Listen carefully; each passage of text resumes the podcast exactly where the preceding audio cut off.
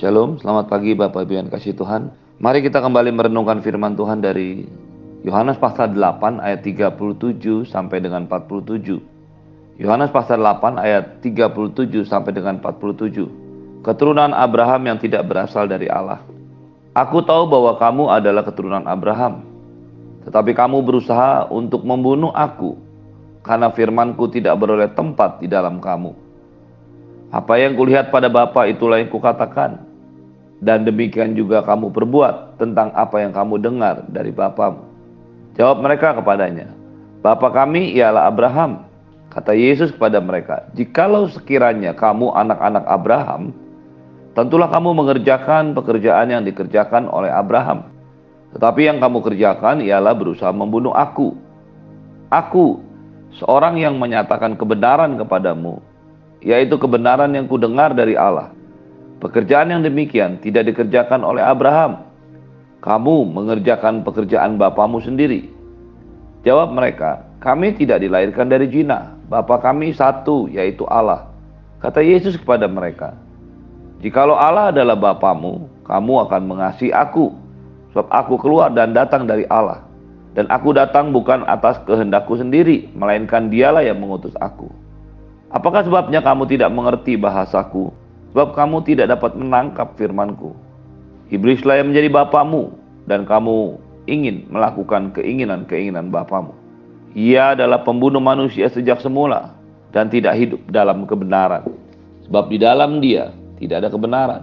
Apabila ia berkata dusta, ia berkata atas kehendaknya sendiri. Sebab ia adalah pendusta dan bapa segala dusta. Tetapi aku mengatakan kebenaran kepadamu, kamu tidak percaya kepadaku. Siapakah di antaramu yang membuktikan bahwa aku berbuat dosa? Apabila aku mengatakan kebenaran, mengapakah kamu tidak percaya kepadaku? Barang siapa berasal dari Allah, ia mendengarkan firman Allah. Itulah sebabnya kamu tidak mendengarkannya, karena kamu tidak berasal dari Allah. Bapak Ibu yang dikasih Tuhan, ketika Yesus sedang mengajar mereka, orang-orang Farisi yang mendengar pengajarannya, mereka selalu berdalih dan mengatakan mereka keturunan Abraham. Ketika Tuhan Yesus menyatakan, "Jikalau kamu tetap dalam firman-Ku, maka kamu akan benar-benar adalah murid-Ku. Kamu akan mengetahui kebenaran dan kebenaran itu akan memerdekakan kamu." Ketika Tuhan berkata demikian, orang-orang Farisi, orang-orang Yahudi itu menjawab Yesus dengan mengatakan, "Kami keturunan Abraham." Lalu Yesus berkata, ayat 37, Aku tahu bahwa kamu keturunan Abraham, tapi kamu berusaha membunuh aku karena firmanku tidak beroleh tempat di dalam kamu. Ketika orang-orang Farisi mencoba membanggakan dirinya sebagai keturunan Abraham, sebenarnya ini adalah sebuah pengakuan bahwa mereka hanya bisa membanggakan diri sebagai keturunan Abraham. Mereka tidak bisa lagi membanggakan diri atas semua yang mereka kerjakan dan lakukan dalam hidup ini. Sehingga ketika orang meragukan apa yang mereka kerjakan dan lakukan, mereka hanya bisa berdali dan berlindung kepada satu fakta bahwa mereka adalah keturunan Abraham. Ketika seseorang tahu bahwa dirinya cukup layak untuk dianggap baik, untuk dianggap mengerjakan pekerjaan yang baik, atau bahkan cukup layak untuk dibanggakan, maka dia akan membanggakan diri dan semua yang dia kerjakannya. Tetapi ketika tidak ada satu kebanggaan, tidak ada satu pun yang baik yang bisa diceritakan dari dalam diri sendiri, maka orang-orang Farisi kemudian kembali atau berdalih bahwa mereka adalah keturunan Abraham. Dengan demikian, mereka ingin menyatakan bahwa apa yang mereka kerjakan, apa yang mereka lakukan dalam hidup ini, itu sama seperti yang dilakukan oleh Abraham. Hal ini kemudian ditentang oleh Tuhan Yesus. Karena Tuhan Yesus berkata, kalau kamu keturunan Abraham, mengapa kamu berusaha untuk membunuh aku? Kamu berusaha untuk membunuh aku karena firmanku tidak beroleh tempat di dalam hatimu. Kata tempat di sini berasal dari bahasa Yunani koreo. Kata koreo berbicara atau diterjemahkan sebagai tempat, tetapi juga dapat diterjemahkan sebagai sebuah space, sebuah ruang, sebuah kerelaan hati untuk menerima sesuatu. Mengapa tidak ada tempat dalam hati mereka? Karena hati mereka sudah diisi oleh hal lain. Sehingga ketika firman Tuhan disampaikan, hal itu tidak membuat firman Tuhan tinggal dalam hidup mereka. Ketika hal ini terjadi kepada orang Farisi, maka hal yang sama juga bisa terjadi pada Anda dan saya. Ketika kita mendengar firman, belajar firman, merenungkan firman, sering kali firman itu tidak bisa masuk dalam hidup kita, masuk dalam hati kita, dan akhirnya tidak bisa merubah hidup kita. Mengapa firman Tuhan itu tidak bisa masuk dalam hati dan pikiran kita dan tidak bisa merubah hidup kita? Bukan karena firman Tuhan itu kehilangan kuasa, bukan karena firman Tuhan itu tidak berkuasa, tetapi sebenarnya lebih daripada apakah Anda dan saya, apakah kita membuka ruang, membuka hati, membuka pikiran untuk menerima firman. Pagi hari ini poin pertama yang harus kita renungkan dari pembacaan firman Tuhan Seberapa banyak ruang yang kita sediakan untuk firman Tuhan? Seberapa banyak hati pikiran yang Anda dan saya berikan untuk firman Tuhan? Ketika kita membiarkan firman Tuhan itu, membuka ruang, memberikan kesempatan firman Tuhan itu masuk dalam hati kita, masuk dalam pikiran kita, masuk dalam memori kita, maka firman itu menjadi tinggal dalam hidup kita. Dan ketika firman itu menetap dan tinggal dalam hati kita, maka kita akan bisa mengikuti firman Tuhan itu dalam hidup kita. Atau kita bisa akan merubah hidup kita oleh karena firman. Beberapa orang ruang hatinya sudah tertutup oleh kebencian. Beberapa orang ruang hatinya sudah tertutup oleh kesakitan, baik kepahitan maupun kekecewaan hati. Beberapa orang sudah menutup hatinya dengan semua perkara-perkara dunia ini. Ingatlah ketika Tuhan Yesus memberikan sebuah ilustrasi tentang firman yang ditaburkan. Ada yang jatuh di pinggir jalan, ada yang jatuh di jalan berbatu, ada di tanah berbatu, dan penuh dengan semak duri. Dari empat tanah di mana benih firman Tuhan itu tabur, hanya ada satu yang bisa membuat bertumbuh di hati yang baik.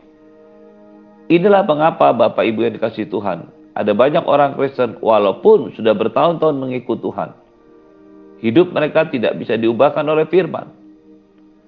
Mungkin saja bisa terjadi bahkan untuk para hamba Tuhan. Mereka yang merasa sudah punya firman. Mereka yang tidak lagi memberikan tempat atau ruang bagi firman Tuhan. Pagi ini sebagai hamba Allah baik kita merenungkan kata-kata firman Tuhan ini. Apakah masih ada ruang dalam hati dan hidup kita, pikiran kita. Untuk setiap firman yang kita dengar, kita baca dan kita renungkan Ketika Anda dan saya memberikan tempat bagi firman Tuhan, maka firman Tuhan itu akan kembali menetap dalam diri kita. Yang kedua, Tuhan Yesus memperbandingkan dirinya dengan orang-orang Farisi. Ketika orang-orang Farisi itu berkata, Abraham adalah Bapa kami. Apa yang kulihat pada Bapa, kata Tuhan Yesus, itulah yang kukatakan. Demikian juga apa yang kamu perbuat dan, dan kamu dengar apa yang kamu perbuat itu kamu lakukan karena kamu mendengar dari Bapamu. Tuhan ingin menyatakan bahwa siapa Bapa kita, itulah yang kita ikuti. Siapa Bapa kita, itulah yang kita kerjakan dalam hidup ini. Itulah yang kita katakan dalam hidup sehari-hari. Itulah yang kita lakukan. Yesus berkata, apa yang kamu dengar dari Bapamu, itulah yang kamu lakukan apa yang kulihat pada Bapa, itulah yang kukatakan.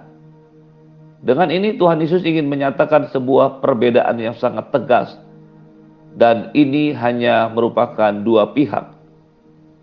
Gaya bahasa seperti ini adalah gaya bahasa yang lazimnya digunakan oleh orang-orang yang merupakan penganut semit, orang-orang yang menganut paham gereja atau kepercayaan gaya bahasa penulisan orang-orang Yahudi. Hanya ada dua pilihan. Apakah engkau mengikuti Bapamu, yaitu Allah, atau apakah engkau mengikuti Bapamu, yaitu setan. Semua yang engkau dan saya kerjakan itu merupakan gambaran dari siapa Bapa kita. Ketika orang Yahudi mencoba menyanggah perkataan Tuhan Yesus, dia berkata, "Bapa kami adalah Abraham." Yesus menjawab mereka, jika sekiranya kamu anak-anak Abraham, tentulah kamu mengerjakan pekerjaan yang dikerjakan oleh Abraham. Dengan kata lain, dari tindakan, dari pekerjaan, dari perkataan yang keluar dari mulut kita, itu merupakan gambaran siapa yang kita ikuti. Tidaklah heran ketika hari-hari ini orang sering melihat atau menonton film-film atau drama-drama yang ada di TV. Mereka sering mendengar apa yang mereka mau dengar, lalu tanpa sadar itu masuk dalam memori, dalam pikiran. Dan semua yang dilihat, semua yang didengar itulah yang mereka kerjakan, yang mereka sikapi. Kamu mengerjakan pekerjaan-pekerjaan Bapamu sendiri, kata Tuhan Yesus. Jawab mereka, kami tidak dilahirkan dari jina, Bapa kami satu, yaitu Allah. Ketika mereka orang-orang Yahudi tidak lagi mampu menunjukkan kebenaran dengan mengatakan Bapa kami adalah Abraham, maka kemudian mereka berkata, Bapa kami adalah Allah. Tentu saja hal ini langsung dijawab oleh Tuhan Yesus. Jikalau Allah adalah Bapamu, kamu akan mengasihi aku. Sebab aku keluar dan datang dari Allah.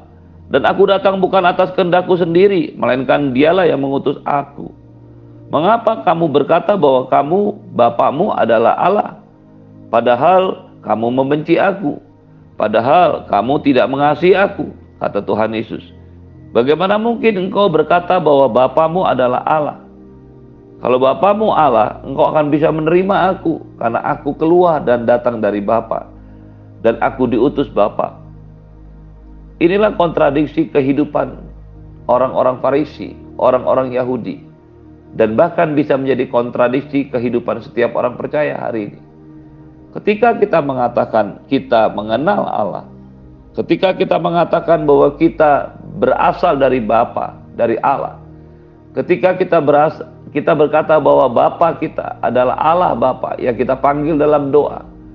Maka seharusnya hal ini menjadi nyata sesuai dengan tindakan, pikiran, kata-kata yang keluar dalam hati kita. Ingatlah semua perkataan yang dikatakan Tuhan Yesus dalam ayat-ayat yang kita baca barusan itu merupakan kelanjutan daripada apa yang dikatakan Tuhan Yesus ketika sebelumnya ia dihadapkan oleh orang-orang Farisi seorang perempuan yang kedapatan berbuat zina. Ketika Tuhan Yesus menyatakan bahwa ia tidak menghakimi, ia tidak menghukum perempuan ini dan menyuruhnya pergi. Ada satu pesan yang sangat jelas bahwa Mulai dari sekarang, janganlah berbuat dosa lagi. Mengapa dia mengatakan mulai dari sekarang jangan berbuat dosa lagi? Karena ketika wanita yang kedapatan berzina ini percaya kepada Yesus, menerima pengampunan Yesus, maka dia mempunyai terang hidup. Dia tidak mungkin hidup dalam kegelapan. Pesan ini menjadi sangat jelas bahwa ketika Anda dan saya menerima keselamatan, semuanya adalah kasih karunia, anugerah Tuhan tidak ada satu pekerjaan pun yang kita bisa lakukan untuk memperoleh keselamatan. Tetapi setelah menerima keselamatan, setelah mendapatkan kasih karunia, setelah Yesus masuk dalam hati dan hidupmu, maka engkau dan saya mempunyai terang hidup. Engkau dan saya memiliki terang untuk hidup sesuai dengan standar ilahi. Oleh karena itu, arahkan hati pikiranmu untuk mengikuti terang hidup itu dan berubahlah oleh pembaharuan budimu sehingga kamu dapat membedakan manakah kehendak Allah apa yang baik berkenan kepada Allah dan yang sempurna. Hal ini dikatakan ditegaskan lagi oleh Tuhan Yesus ketika ia berhadapan dengan orang-orang Yahudi. Kalau kamu mengasihi aku, maaf, kalau kamu mengatakan Allah adalah Bapamu, maka kamu akan mengasihi aku. Karena aku keluar dan datang dari Allah. Bagaimana mungkin kau mengatakan Allah adalah Bapamu, tetapi yang kau kerjakan adalah kejahatan, kebencian, dan pembunuhan. Apa sebabnya kamu tidak mengerti bahasaku? Apa sebabnya kamu tidak mengerti kata-kataku? Apa sebabnya kamu tidak mengerti pengajaranku? Sebab kamu tidak dapat menangkap firmanku. Iblislah yang menjadi bapamu dan kamu melakukan keinginan-keinginan bapamu. Bapak Ibu yang dikasih Tuhan, dengan ini Tuhan Yesus ingin menyatakan perbedaan dirinya dengan orang-orang Farisi. Dan tentu saja ini menjadi sebuah cerminan bagi Anda dan saya yang hidup. Ketika kita mengatakan Allah kita, adalah Bapa kita, maka sudah seharusnya, sudah pasti Anda dan saya harus mendengarkan Dia, mengikuti Dia, dan bertindak seperti yang Dia katakan. Semuanya ada dalam firman Tuhan. Mari pagi hari ini saya mengajak setiap Anda untuk kembali kepada firman Tuhan, untuk kembali mengikuti Bapa, mengikuti Tuhan Yesus, mengikuti Roh Kudus, dan merubah hidup kita. Sehingga hari-hari ini menjadi hari-hari di mana Anda dan saya mengalami proses pembentukan dan perubahan dari Tuhan. Terimalah berkat yang berlimpah dari Bapa di surga, cinta kasih dari Tuhan Yesus. Penyertaan yang sempurna daripada Roh Kudus, menyertai hidupmu hari ini dan sampai selama-lamanya. Di dalam nama Yesus semua yang percaya katakan, amin. Shalom.